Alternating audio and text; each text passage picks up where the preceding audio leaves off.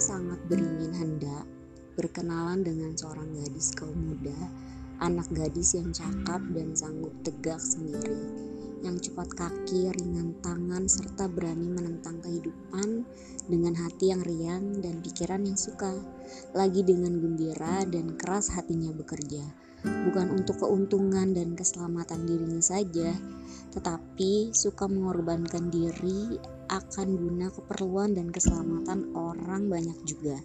Itulah anak gadis yang saya sukai. HGTT. Selamat Hari Kartini. Perempuan-perempuan Indonesia.